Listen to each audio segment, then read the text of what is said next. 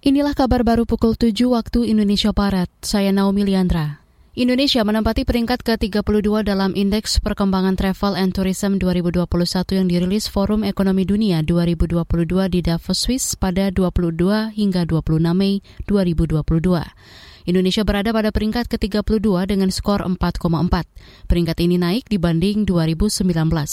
Menurut Menteri Pariwisata dan Ekonomi Kreatif Sandiaga Salahuddin Uno, prestasi ini patut diapresiasi. Bahwa di tengah badai pandemi, di tengah kesulitan yang kita hadapi, di tengah anggaran yang terus dikurangi, tapi kita bisa mampu meningkatkan indeks kita 12 peringkat uh, dan secara mantap dan signifikan ada di jajaran atas dari sektor pariwisata kita. Di kawasan Asia Pasifik, sektor pariwisata Indonesia berhasil masuk ke dalam 10 besar, tepatnya pada peringkat ke-8.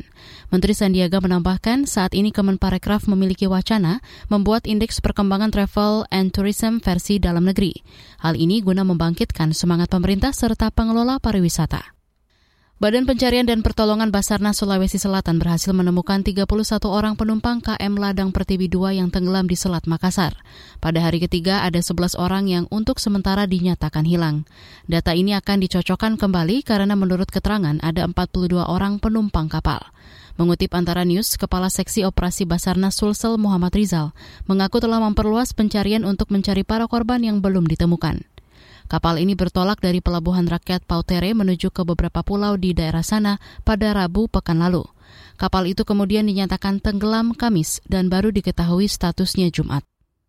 Angkatan Darat Nepal menyatakan pesawat Tata Air yang sempat hilang kontak dipastikan jatuh. Kepastian ini disampaikan Senin kemarin. Pesawat Twin Otter itu mengangkut 19 penumpang dan tiga awak, dua di antaranya dari Jerman. Pesawat tersebut berangkat dari kota turis Pokhara sekitar 125 km di barat ibu kota Kathmandu minggu pagi waktu setempat.